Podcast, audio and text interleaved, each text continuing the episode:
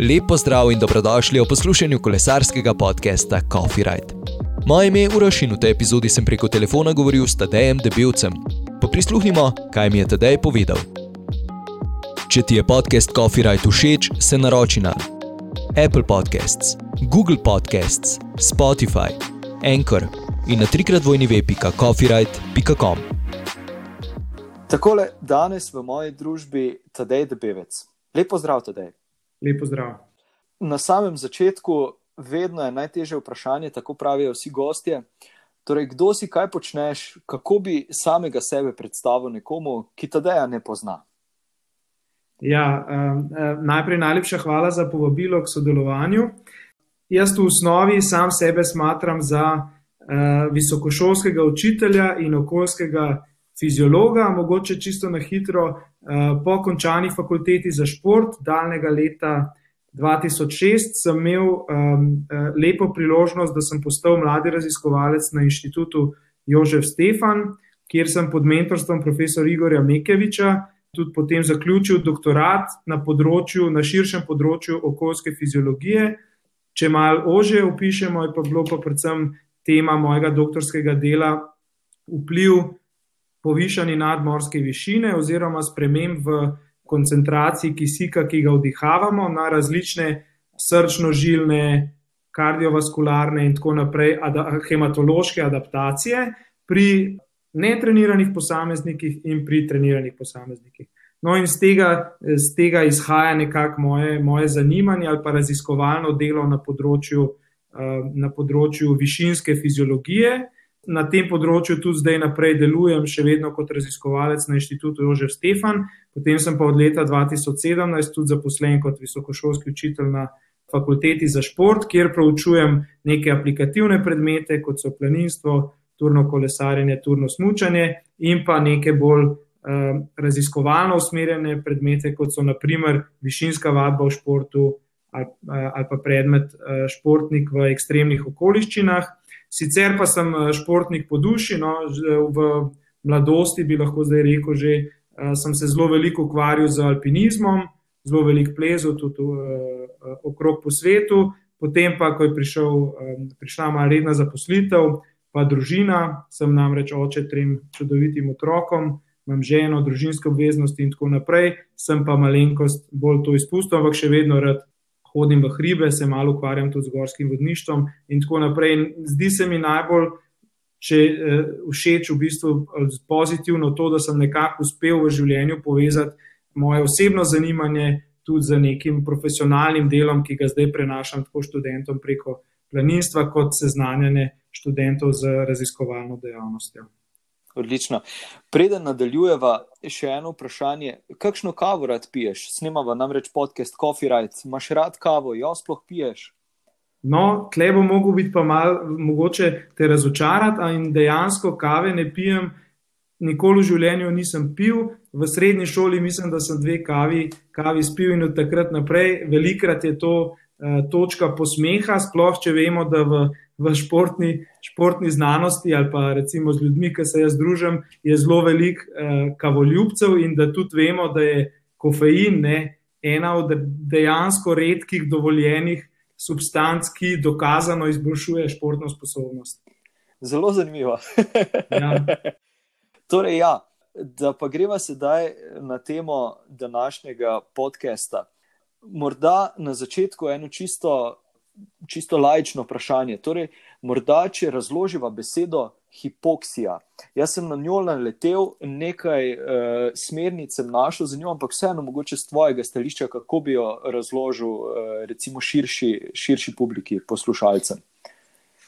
No, jaz mislim, da je to zelo dober začetek, zato ker se bomo s to besedo v tem kontekstu višinskega treninga ali pa višinske adaptacije v kolesarstvu ali pa širše veliko, veliko krat srečali. In mislim, da je najbolj enostavna definicija to, da hipoksijo definiramo za stanje, kjer je manjša dostopnost ali pa eh, oziroma tako manjša dostopnost kisika telesu, organ, različnim organom, naprimer mišicam, možganom in tako naprej, kot je v normalnem pogoju. Ne. To pomeni v nekem normalnem okolju, kot naprimer zdaj, ko se mi dva pogovarjava, imamo mi na voljo v zraku dovolj kisika, načeloma, če smo zdravi, nimamo kakšnih posebnih težav, imamo dovolj kisika, tudi je celotno naše telo ustrezno saturirano, pravimo torej nasičeno z kisikom, posod, posod ga je dovolj, ker ga dovolj prenašamo iz zraka preko pljuč v kri in potem potuje po našem celem telesu. In to na to neko kisikovo homeostazo smo mi kot ljudje navajeni. Pogosto se pa zgodi, da zaradi različnih razlogov se, eh, imamo to dostopnost kisika malenko zmanjšano. Lahko se to zgodi, naprimer, čisto lokalno, da si naprimer, na roki si stisnemo uh, pretok, ne, v, recimo na, na roki, in potem ta del postane jasno hipoksičen. V kontekstu športnega treninga ali pa uh, koles, kolesarskega športa največkrat govorimo o neki sistemski hipoksiji, ki je posledica izpostavitve v bistvu ali predvsem povečani nadmorski višini.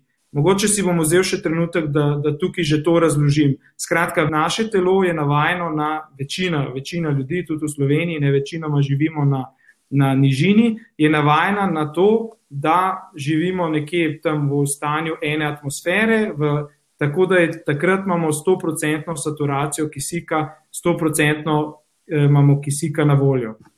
Kar se zgodi takrat, kadar se uspnemo mi na povečano nadmorsko višino, tako kot to storijo, naprimer, športniki, ko trenirajo visoko ali pa eh, spijo visoko, in tako naprej, se, zgodi, se ne zgodi to, da se zmanjša procent kisika v zraku, ki je vedno enak. Povsod na zemljski površini je procent kisika v zraku 20,9 odstotka, ampak se z uspenjanjem na povečano nadmorsko višino znižuje zračni tlak.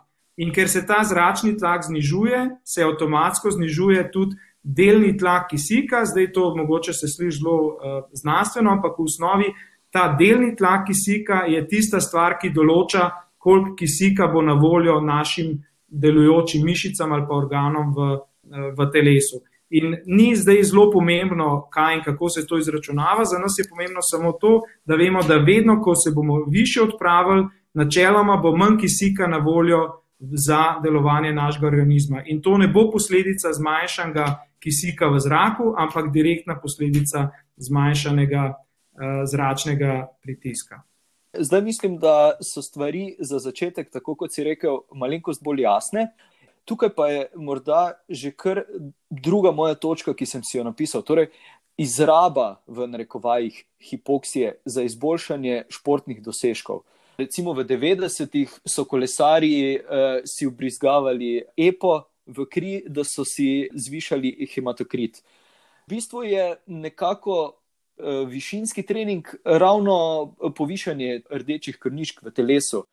Definitivno večina modelov višinskega treninga temelji na tem, da v bistvu za to hipoksijo oziroma zmanjšano dostopnostjo kisika mi dosežemo v bistvu spodbuje, spodbu, spodbudimo uh, endogeno spod, spod, spod, znotraj telesa spodbudimo produkcijo rdečih krvnih teles. To zahteva mogoče čist uh, malenkost razlage. Še prej, preden bi pa to povedal, bi se pa dotaknil v bistvu višinskega treninga, eh, kot si že omenil, zgodovinskega vidika. Ne? Z višinskim treningom so se v bistvu prvič srečali eh, tam nekje v 60-ih letih in sicer ne zato, ker so ga hoteli najprej uporabljati za izboljšanje športne sposobnosti, ampak predvsem zato, ker so takrat bile, eh, bo, bile razglašene um, olimpijske igre v Me Mexico Cityju, kjer so bile prve take res velik športen dogodek, ki se je dogajal na povečani nadmorski višini 2300 metrov.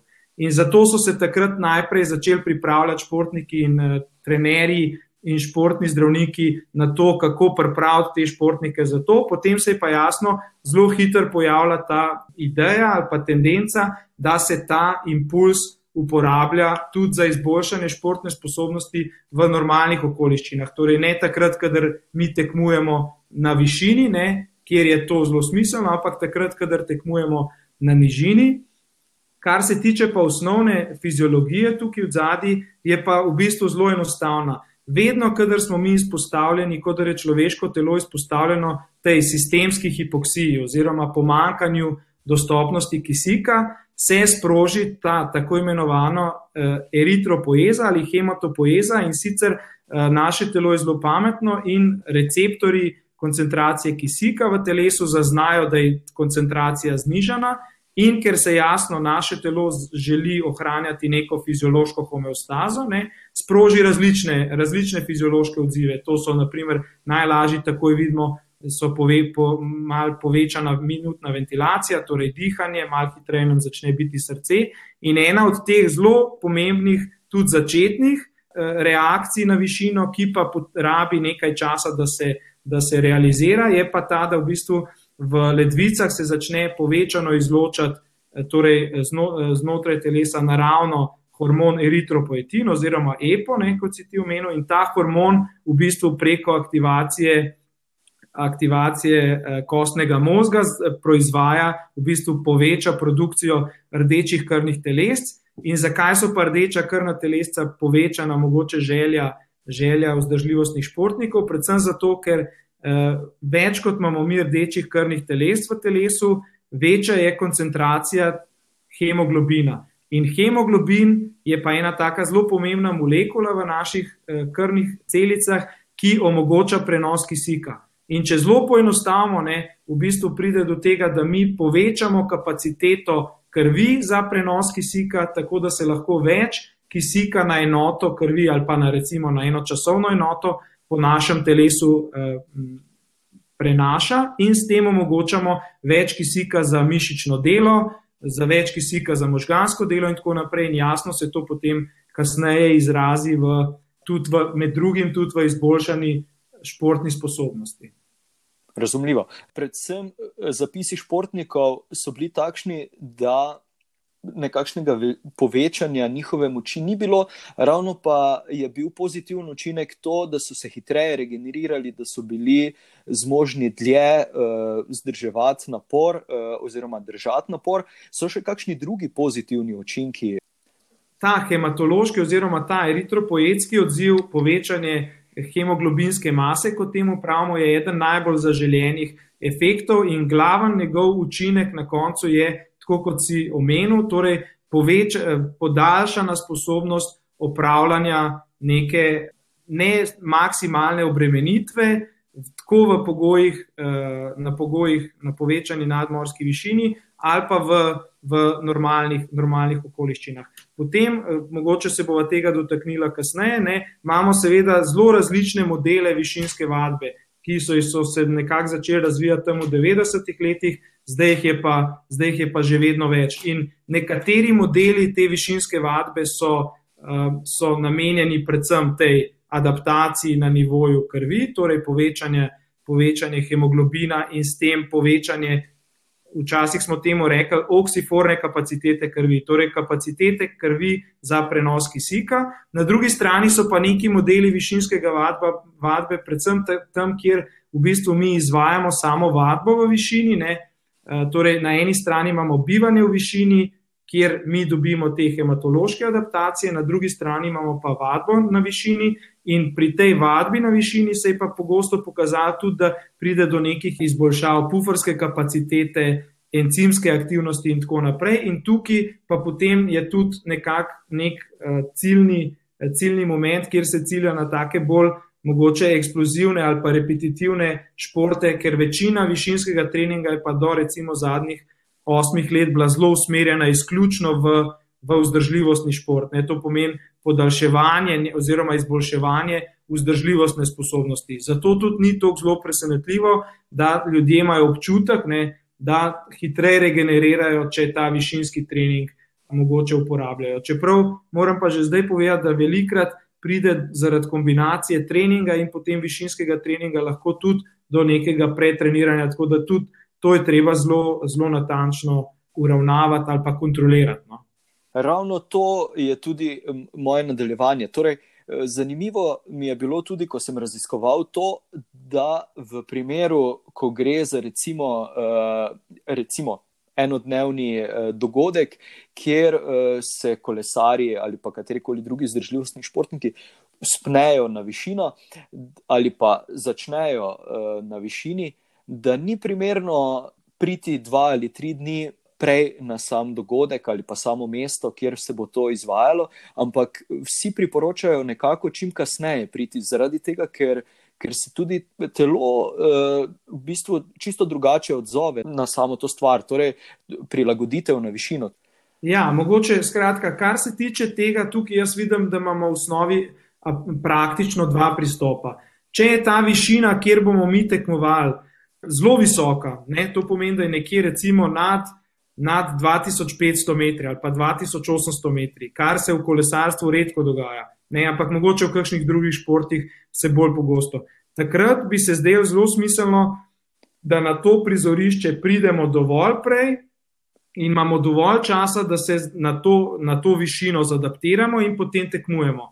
Takrat, kadar gre pa za tekmovanja, recimo v cestnem kolesarstvu, kjer večinoma, vsaj v Evropi, v Evropi, če gledamo evropska prizorišča, tekmovanja potekajo tam nekje do 2800 metrov, in če gre za, za dnevno tekmovanje, sigurno ni smiselno, da tam na to tekmovanje dan ali pa dva pridemo prej, pa tam čakamo, da se bo to tekmovanje zgodilo. V tem primeru je bolje priti mogoče na tisti dan, pa biti dobro zregeneriran iz nižine. Ne, ali pa spočiti, regenerirati in potem tekmovati. Kadar gre pa za više višine, ali pa kadar gre, naprimer, pri teh cestnih tekmovanjih, recimo tri tedenskih derkah, ki jih poznamo, ne, takrat je pa jasno, ker gre za, za dolgotrajne izpostavitve tem višinam, pa dolgotrajne napore, pa kot nam praksa pravi, ne, večina teh vrhunskih tekmovalcev danes uporablja zelo, zelo intenzivno te eh, nekako take dva do tri tedenske bloke višinskega treninga, nekje v obdobju tam nekje šest do treh tednov pred, pred tekmovanjem. Tako da višinska adaptacija z vidika izboljševanja športne sposobnosti na višini ali pa tekmovanja na višini je zelo priporočljiva, kadar je to dost visok ali pa dolg časa traja. Kadar gre pa za kratke, enodnevne, enodnevna tekmovanja, pa posebne adaptacije tam nekje za do višine 2500 metrov ni tako zelo pomembno, je pa mogoče iz raziskovalnega vidika pomembno povdariti, da naprimer za visoko trenirane posameznike, ne, to so športniki, ki recimo tekmujejo v članskih nacionalnih ekipah, se opazijo negativni učinki povešane nadmorske višine že pri zelo nizkih višinah, tam nekje nad 700 metri se že statistično značilno znižuje njihova športna sposobnost. In to predvsem tudi v, v teh vzdržljivostnih disciplinah. Tako da moramo se zavedati, da je višina vedno ima močen vpliv na to športnikovo, športnikovo sposobnost. In če imamo nekoga, ki je na to adaptiran, nekoga pa, ki na to ni adaptiran, ne je jasno, da bo, da bo prosperiral bolje ta, ki je. Prej si že omenil eh, in res je dotaknila se bova tega. Torej, imamo različne modele višinskih treningov, pa nekako je v zadnjih letih, vsaj komercialno, najbolj popularen ta, torej spi na višini, treniraj na nižini. Je res, oziroma v kakšnih pogledih? Ok, razlikujejo se že, že po sami izvedbi, oziroma že v štartu, ko jih opišemo, ampak kaj pa pri športniku je potrebno prilagoditi višinski trening na samega športnika ali na to, na kaj ciljamo, torej na recimo potem izplen, uh, kaj želimo doseči z, z višinskim treningom. Ja. Pomembna sta, če začnem z splošnim odgovorom, pomembna sta oba vidika. Torej, na eni strani prilagoditev našemu športniku oziroma temu posamezniku, ki je v to upleten, in na drugi strani jasno modeliranje oziroma priprava, uporaba tistega vadbenega modela, ki je najbolj smiselen za to, kar želimo, želimo mi doseči.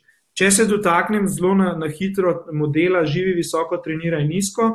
Glavna, in to je dejansko trenutno ne samo komercialno, ampak tudi dejansko fiziološko, eh, nekako najbolj smiselen model višinskega treninga za vzdržljivostne športnike, ne, to pomeni naprimer kolesarje in tako naprej, ker gre v bistvu tukaj ideja ta, da mi uporabimo bivanje na višini za to, da spodbudimo ta hematološki odziv, ki pripelje do povečane koncentracije, povečanja eritrocitov, povečanja hemoglobina in povečanje eh, kapacitete prenosa krvi. In na drugi strani z treniranjem nizko ohranjamo isti trening kot v normalnih pogojih. Zato, ker če mi bivamo na višini, pa trening izvajamo na višini, ne, zaradi že prej omenjenih negativnih posledic pomankanja kisika in tako naprej. Te športniki v bistvu niso sposobni izvajati treninga z isto maksimalno obremenitvijo, kot če ga izvajo na nižini. Zato ne, je bil ta, v bistvu, ta sistem ali pa ta model treninga tudi predlagan, da v bistvu izkoristimo hematološke adaptacije višine, ohranjamo pa isti trening, uh, isti trening na nižini. Tukaj bi omenil um, samo še sledeče. Zelo pomembno je za nas razumevanje, da moramo vedeti, da vedno, kadar bomo nek, neko vadbo ali pa nek eh, kronometer ali pa neko dejavnost izvajali ob morju ali pa jo izvajali na 2500 metrih, bo na 2500 metrih metabolno to bistveno bolj obremenjujoče za naše telo, izključno iz razloga, ker je tam manj manj kisika na voljo, v bistvu, ne zaradi nižjega delnega tlaka kisika. In tudi na drugi strani bo naša sposobnost zmanjšana in bomo ali recimo isto razdaljo porabili dalj časa, ali bomo počasneje tekali, in tako naprej. In če hočemo ohranjati kakovosten trening, se je izkazalo, da je najboljš uporabljati model živi visoko, treniraj nizko. Za vse vzdržljivostne športnike, ki imajo cilj izboljšanje vzdržljivostne sposobnosti. Če se dotaknem še drugega, drugega vidika, ki si ga omenil, to je pa ta prilagoditev individualnemu športniku. Ne. Tukaj pa, je pa zelo pomembno se zavedati, da vedno, kadar smo izpostavljeni višini, naprimer, ko se ukvarjamo z gorniki ali pa gremo na visokogorske trekinge ali pa športniki, imamo med ljudmi zelo različne odzive. Nekoga bomo izpostavili, na, nekega športnika bomo izpostavili modelu živi, visoko, trenira nizko, pa ga ne bo mogel dobro prenašati, ker višine enostavno ne prenaša dobro. Nekdo drug bo pa to prenašal super in bo zaradi tega imel bolj, boljši rezultat in tako naprej. Zato je treba, če imamo recimo ekipo enih športnikov, zelo natančno spremljati, kaj se z njimi dogaja in na ta način predvsem prilagajati izpostavitev višini in pa ta trening. Ne? Zelo se da lepo to kalibrirati z zmanjšano intenzivnostjo ali pa koncentracijo treninga ali pa da uporabimo nižji nivo, nivo um, nadmorske višine, kar je takrat, kadar uporabljamo za ta model vadbe naravno višino, zelo težko, ne, če pripeljemo celo skupino športnikov, ne vem, trenirati na roglo ali pa nekam višji, ne rabimo malenkost višji, ne, bi v bistvu je težko spreminjati. Kdo bo na kateri višini, zelo enostavno je pa to narediti takrat, kadar za ta trening uporabljamo višinske sobe, ne, oziroma ta tako imenovano normobarično hipoksijo, kjer v bistvu simuliramo nadmorsko višino v, v sobah, s tem, da znotraj njih zmanjšamo procent kisika in na ta način zmanjšamo ta delni tlak. Pa to zdaj spet znanstveno ni tako zelo pomembno, pomembno je, da lahko ustvarimo približno enake pogoje kot na isti višini, in v teh sobah pa lahko mi zelo lepo reguliramo za enega, recimo, da bo bival na višini 3000 metrov, drug bo na 2800, tretji bo pa na 2500, ker vemo, da je mogoče za njega to najbolj smiselno. Kako pa to vemo? Ne? V raziskavah to zelo enostavno vemo, ker spremljamo polno enih parametrov stalno. Pri športnikih, aplikativno pa tudi lahko zelo hitro vidimo, naprimer, spremljamo neko frekvenco srca v mirovanju ali pa te male pulzne oksimetre uporabimo, pa vidimo, kako se kako se adaptirajo. No, skratka, zelo veliko pomislekov tukaj je, zelo pomembno je pa vedeti, da je zelo velika individualna variabilnost temu pravimo. To pomeni, da ljudje zelo različno na to, na to uh, reagirajo. Ok.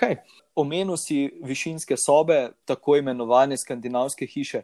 Zdaj stvari so vedno bolj dostopne navadnim smrtnikom, kako v bistvu, recimo, da se nekdo odloči, da bi investiral v, v takšno opremo in bi si sam uh, nekako doma zastavil en načrt treninga. Na kaj mora v bistvu vse človek paziti? Je treba narediti kakšne posebne teste, je boljše se posvetovati, mislim, absolutno se je boljše posvetovati strokovnjakom, ampak uh, morda niso vsi tako odprti za takšne stvari. Uh, lahko gre kaj zelo, zelo narobe, ali, ali je načeloma stvar še kljub temu dovolj varna, da, da si ne moreš škodovati. No, bom tako rekel. No, torej, varnostni vidik je zelo, eh, zelo pomemben. Ne? In če imamo mi eh, dostop do neke višinske sobe, naprimer, tako kot v Sloveniji imamo nekako dva taka komercialna višinska centra, eden je v Olimpijskem športnem centru v Planici, v tem hotelu nasproti nasproti skakalnic, drugi je v narogli in tam so ti varnostni sistemi zelo, zelo lepo urejeni in naštimani. In če nekdo sledi nekim osnovnim, osnovnim principom, ki nekako veljajo v višinskem treningu na to temo. Naprimer, sem jaz napisal tudi za, slovensko, za slovenske poslušalce dva taka krajša pregledna članka na temo višinskega treninga pri športnikih v reviji Šport. Če koga zanima, me lahko tudi kontaktira, pa mu jih pošljem, če nima dostopa. To so v bistvu gre za dost enostavne protokole, ki jih je pa treba nekako prilagajati športnikom, predvsem pa gre za višine, ki jih tukaj nekako uporabljamo z vidika nekih resnih medicinskih težav, niso problematične. Ne vemo, da ekstremne višine prinašajo sabo različne eh, nevarnosti, tudi življenje ogrožujoča stanja, kot sta recimo višinski pljučni in možganski edem, uh, višinska bolezen in tako naprej. Ampak višine, ki jih mi v športu uporabljamo, ne, so pa nekje sežejo, recimo pri modelu živi visoko, trenira nizko, tam nekje do maksimalno 3000 metrov, ker moramo vedeti, da če bi mi uporabljali više višine, pride pa zaradi vsega tega zmanjšanja dostopnosti kisika ali pa hipoksije sistemske ne, do moten regeneracije, moten spanja in potem se cel, cel sistem treninga poruši. Tako da prav velik težav z tega vidika ni, eh, ni, ne, ne, ne vidim, je pa res, da je treba upoštevati neke varnostne ukrepe, predvsem, kadar imamo posameznike, ki si, kot si umenil, ne, recimo, da bi si nekdo želel to doma urediti. Najlažji način bi bil, seveda, da si Um, da se nabavi nek tak manjši hipoksikator, to je v bistvu generator hipoksičnega zraka, ki nam preko nekih cevi in tega dovaja mešanico, v kateri je manj, manj uh, kisika in s tem enako simulira nadmorsko višino. In če bi nekdo želel sim, uh, izvajati višinski trening, živi visoko, trenira nizko, obstajajo zdaj taki šotorčki, ki se jih da nad svojo normalno posteljo ne, pa je lahko to logistično in finančno relativno ugodno. Če pa bi si nekdo želel, seveda, in, eh, spremeniti sobo v, v hipoksično sobo, je pa to malce večji poseg, eh, pa tudi eh, finančno malce večji zalogaj. Je pa res, da z razvojem te tehnologije prenosne in tako je danes to dostopno zelo veliki, velikemu obsegu eh, posameznikov skozi celotno, celotno najmanj pogovor smo govorili o nekih pozitivnih učinkih. Verjamem, da so prisotni tudi določeni negativni učinki. Pa recimo, da se dotaknemo še tega, torej, kot je bilo že v prejšnjem vprašanju, da marsikaj lahko gre na robe. Kaj, kaj pa so recimo tisti, tisti negativni stranski učinki, ali pa, ali pa če je karkoli takšnega, na kar bi bilo potrebno opozoriti, ali pa, ali pa zgolj informirati posameznike? No, vsekakor zelo, zelo pomembno vprašanje in tisti, ki se s tem področjem, mogoče, ki vas bolj zanima ali pa ki mogoče kaj berete na tem področju, boste videli, da tudi v, v znanstveni literaturi ne obstaja kar velik uh, trend med različnimi znanstveniki in trenerji o uporabnosti in učinkovitosti uh, to vrstne višinske vadbe, predvsem z vidika, vemo, da bivanje na višini prinaša določene določene negativne učinke, kot posledice te zmanjšane dostopnosti kisika, lahko je kompromitirana regeneracija, kot sem že prej omenil, lahko je kompromitirano spanje. Če bi mi vadbo izvajali na višini, ne dosegamo tako visokih, uh, visokih uh, absolutnih obremenitev, torej zmanjšana je nekakšna ta relativna, uh, absolutna obremenitev uh, pri treningu. Tako da zelo dobro je potrebno oceniti, ali je ta višinska, višinska vadba za nas smiselna ali pa ni smiselna.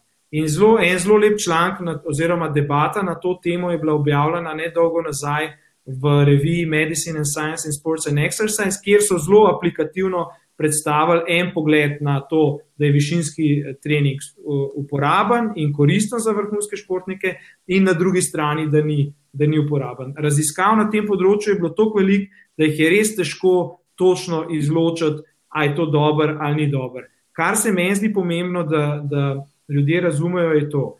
Višina sama po sebi v bistvu pomeni eno zelo močno motnjo v eh, homeostazi, homeostazi posameznika. In kljub temu, da ima to lahko določene negativne posledice, vemo iz višinske fiziologije, ki jo poznamo zdaj že sto let in več, zelo natančno, da ima pa par zelo pomembnih odzivov, ki pozitivno vplivajo na športno sposobnost. In to je predvsem ta povečanje eritrocitov in povečanje posledično kapacitete krvi za prenos kisika. In ta odziv je jasen, se pojavi pri vseh, in vemo, da ker je, ker, če pogledamo povezanost med naprimer, maksimalno porabo kisika, ki je nek tak um, kazalec ali pa marker neke splošne aerobne sposobnosti ali pa aerobne kapacitete posameznika, ki je pri vzdržljivostnih športnikih zelo pomemben. In če pogledamo povezavo tega VO, slavnega VO2 maxa